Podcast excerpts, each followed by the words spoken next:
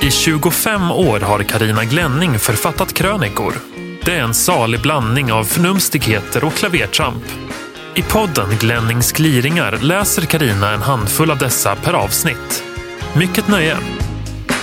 Hej hopp alla glada och sura! Här kommer avsnitt 32 av Glennings gliringar.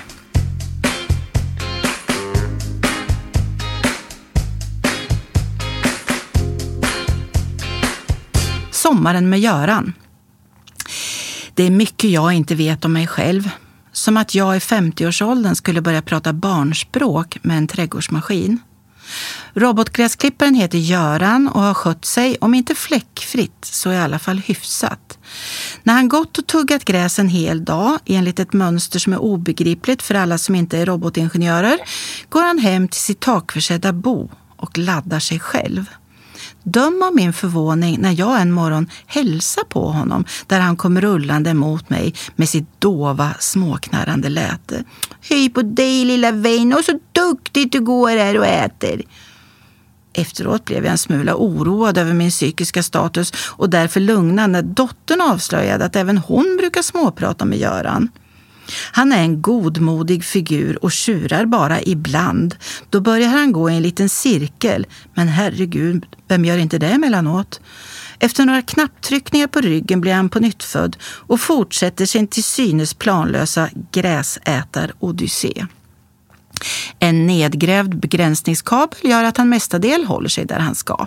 Vid regn och lera kan han kleta ihop i de nedre regionerna och vidare tuggar han glatt sönder även kvarglömda strumpor och tidningar på tomten. För gubbens skull tror jag det är hälsosamt att han och Göran nu ska tillbringa vintermånaderna på varsitt håll. Deras sista umgänge för säsongen eh, blev inte så harmoniskt. När Göran blivit tvättad och fin lades han i skuffen på bilen för en fyra timmar lång transport hem till Linköping och serviceverkstaden. Det startade bra, men efter en timme började Göran tjuta. Ett högt, ihärdigt pip som fick det att skära sig i öronen på föraren som stannade bilen och försökte finna råd. Han provade allt, men inget hjälpte. Göran var otröstlig, tjöt vidare som en stucken gris och gubben vred, för att inte förlora förståndet, upp radion på högsta volym. Herregud, jag är helt lomhörd! Gastade han i telefon. Han hade väl separationsångest, försöker jag. Du slet honom från hans barndoms gräsmatta och tvingade honom till ett bad. Du ryckte upp honom med batteri, laddstation och allt från hela hans trygghet. Nu saknar han sin navelsträng, begränsningskabeln. Jag vet! Jag önskar så att jag hade haft lite gräsfrö eller något att slänga åt honom i bilen. Alltjämt tjutande bars så Göran in på serviceverkstaden där övriga kunder snabbt drog sig undan och serviceteknikern bepansrade sig med hörselskydd innan telningen togs om hand. Det är outhärdligt, klagade en kund. Nu har jag lyssnat på det här tjutandet i två minuter. Två minuter, kontra gubben. Jag har tvingats uthärda ylandet i tre timmar. Väsnas bak i bilen, tuggar på allt, kletig nertill, rymningslysten och skjutande. Saknar du småbarnsåren? Skaffa dig en robotgräsklippare. De är bara aningen mindre krångliga än ungar. Och personliga så det räcker.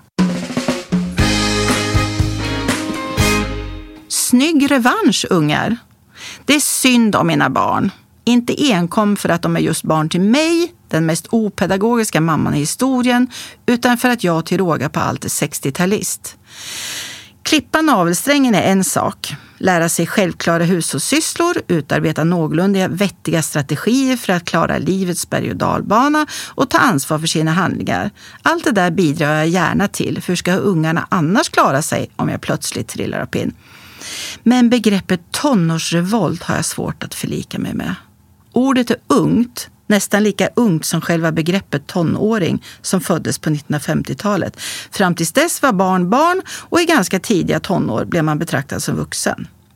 Med tonårsbegreppet föddes idén att alla människor mellan 13 och 19 år är en alldeles särskild grupp som behöver specialbehandling och som får uppträda nästan hur som helst för att de är just mellan 13 och 19.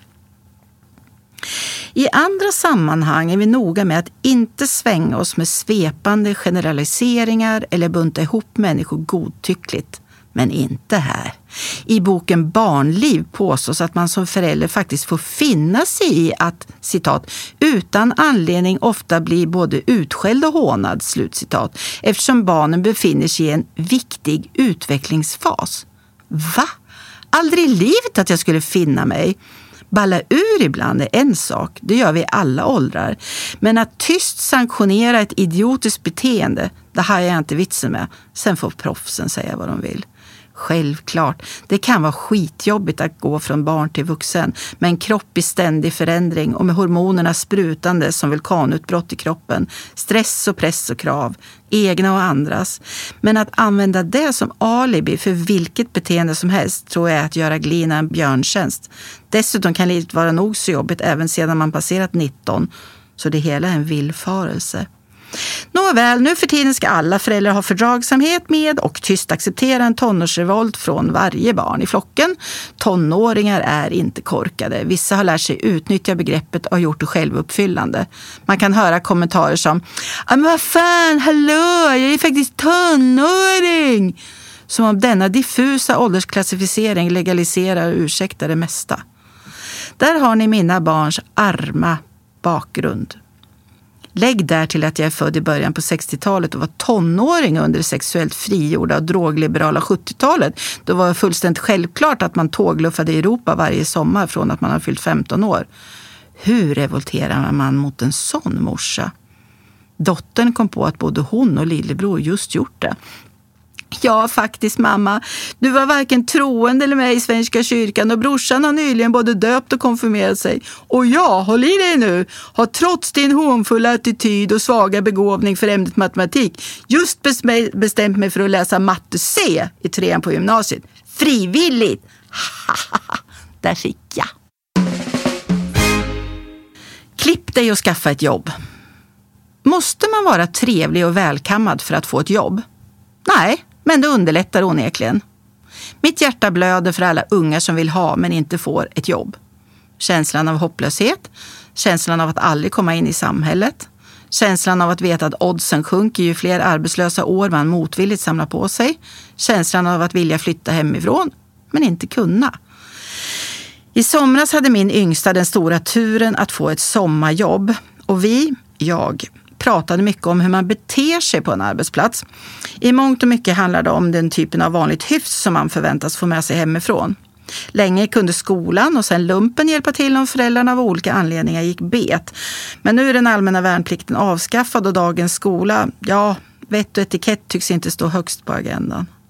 Tvärtom har många unga i skolan odlat vanor som helt enkelt inte funkar på en vanlig arbetsplats. Jag säger inte att det är skolans fel, bara att det är så här det är.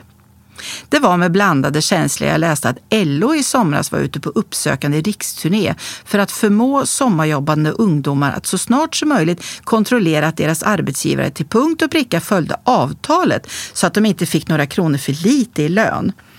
Är inte det att göra dessa unga, helt oprövade kort som haft den stora turen att få ett sommarjobb en stor björntjänst? Självklart ska arbetsgivaren betala avtalsenlig lön. Självklart ska inte unga utnyttjas. Men är det verkligen det första man som ung och nyanställd ska lägga kraft på? I tider då ungdomsarbetslösheten är skyhög? Jag tycker inte det. Till, den, till de egna glinorna har jag sagt, nu jobbar du på som en galärslav och snackar inte om vare sig schema eller lön. Det kan du göra nästa sommar när du förhoppningsvis får jobb på samma ställe. Med uppenbar risk för att stämplas som en stockkonservativ östgötaupplaga av Magdalena Ribbing har jag gjort en liten tipslista till unga som söker jobb. Nej, det finns inget integritetskränkande i förslagen. Skippa det där snacket. Så länge det är fossiler i min ålder som anställer så är det bara att gilla läget. Kom i tid. Alltid. Hur trött du än är. Var hel och ren.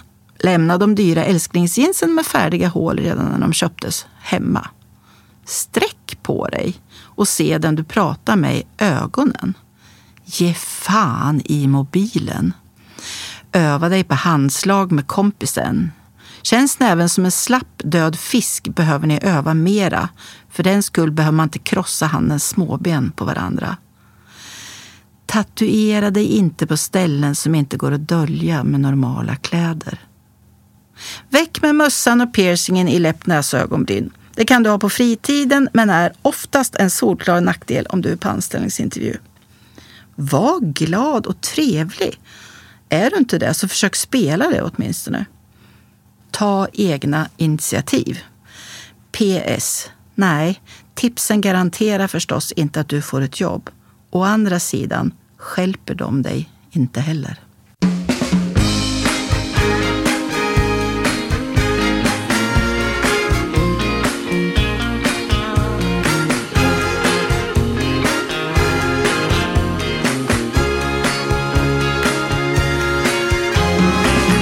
Dottern tvingad till puben.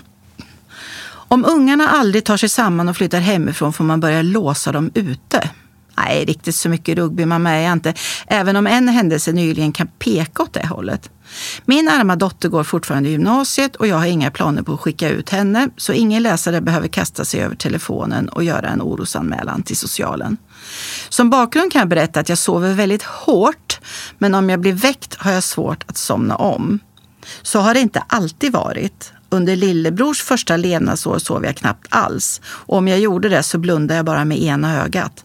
Han hade syrgas kontinuerligt och ideligen pep larmanordningen som var fäst vid hans för tidigt födda fot om att syresättningen var för låg. Då fick man rusa upp och reglera tillförseln. Nu, 15 år senare, väcker man inte den mamma och ingen annan heller som sover. Man smyger i vårt hus nattetid. Dottern skulle på partaj, men inte längre bort än att hon kunde cykla hem på natten. Hon är 18, så jag låg inte vaken och väntade direkt. Men på morgonen var hon inte hemma. Jag smsade och frågade var hon var och fick svaret i puben. Jag kommer in nu. Va? Vi har en egen liten pub i ett av uthusen och det är inte så flashigt som det låter. Det är en gammal svinstia med betongplatta som blivit robust inredd och försedd med knäppa tavlor, gamla brandsprutor och gud vet allt. Dottern hade glömt nyckeln på natten och begav sig till vår gäststuga. Den var låst. Bilen, tänkte hon, den är ju öppen. Hon skruvade ner sätet, la sig till rätta och försökte somna. Det gick inte. Hon hämtade en lättmetallstege och försökte nå sitt rum via ett halvöppet fönster. Stegen var för kort. Nästa steg av järn och i två delar var med sina hundra kilo för tung att baxa upp. Dottern ställde sig nu under mitt öppna sovrumsfönster på andra våningen och viskropade med försiktig späd röst. Mamma! Mamma! Hon hörde mina snarkningar, men inget mer hoppingivande livstecken.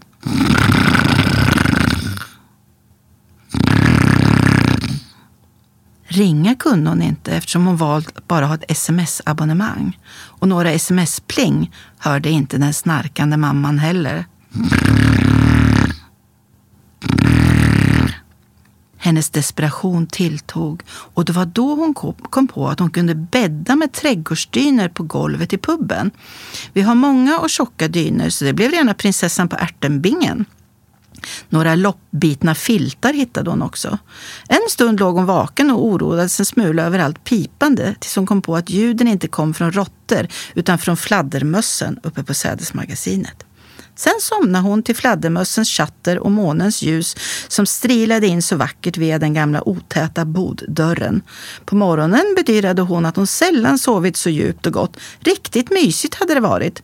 Nöden är uppfinningarnas moder och hennes egen fick gå med skammens rodnad på sina kinder. Man får tacka för trädet. Ja, och hur var helgen då? Jo tack. Gubben och jag införde en ny tradition samt blev idiotförklarade. Med all rätt får man nog säga. Jag fick en London-tripp av min älskade gubbe i födelsedagspresent. Härligt! London kring jul är som att kliva rakt in i en kitschig, överpyntad julgran överdrivet och smaklöst och alldeles underbart. I torsdags kväll var det packat med folk på Trafalgar Square. Londons borgmästare var där, Norges ambassadör i England var där, liksom Oslos borgmästare. Och så gubben och jag. Sedan 1947 är det tradition att Norge, som tack för Englands stöd under andra världskriget, skänker en ståtlig gran till staden. Den är 20 meter hög och skeppas från Norge. De 500 lamporna tänds alltid på kvällen den första torsdagen i december efter högtidliga tal och Christmas carols. Där och då bestämde vi att hädanefter ha som jultradition att närvara när den norska granen tänds i London. Kvällen efter var vi på musikal. I pausen i baren hamnade vi bredvid ett medelålders par. Det hela skulle utvecklas till en stilstudie i skandinavisk förbrödning med förhinder. De är norrmän!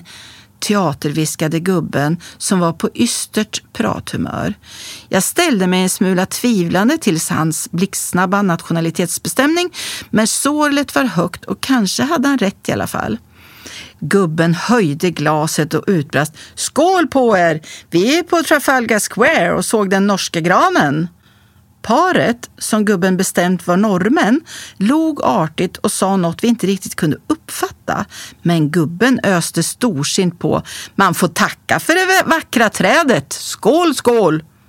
Paret, som gubben bestämt var norrmän, förmodligen från trakten kring Bergen, som han påstod, såg nu en smula undrande ut, men mumlade lite trevligt. I egenskap av gubbens självutnämnda sidekick spädde jag på. Det är en trevlig tradition det där, med rötter ända från 1947 har vi nu lärt oss. Fin gest av er, verkligen fin gest. Paret, så gubben bestämt var normen, såg nu väldigt undrande ut. Deras tidigare avslappnade leende anletsdrag liksom stelnade och vår gemensamma språkförbistring blev allt svårare att bortse ifrån. Varför detta tjat om Norge, tycktes de tänka och bestämde sig därför att vi förmodligen var norrmän. I har en dejlig syngende dialekt. Var i landet kommer ifrån? Linköping, 20 mil söder om Stockholm, svarade gubben snabbt. Och ni då? Nu såg paret, sa gubben bestämt var norrmän, ytterligt förbryllat ut. Stockholm ligger ju inte i Norge. Kvinnan svarade aningen ansett. Rödby, Rödby portgarden. Heim och ska höra om.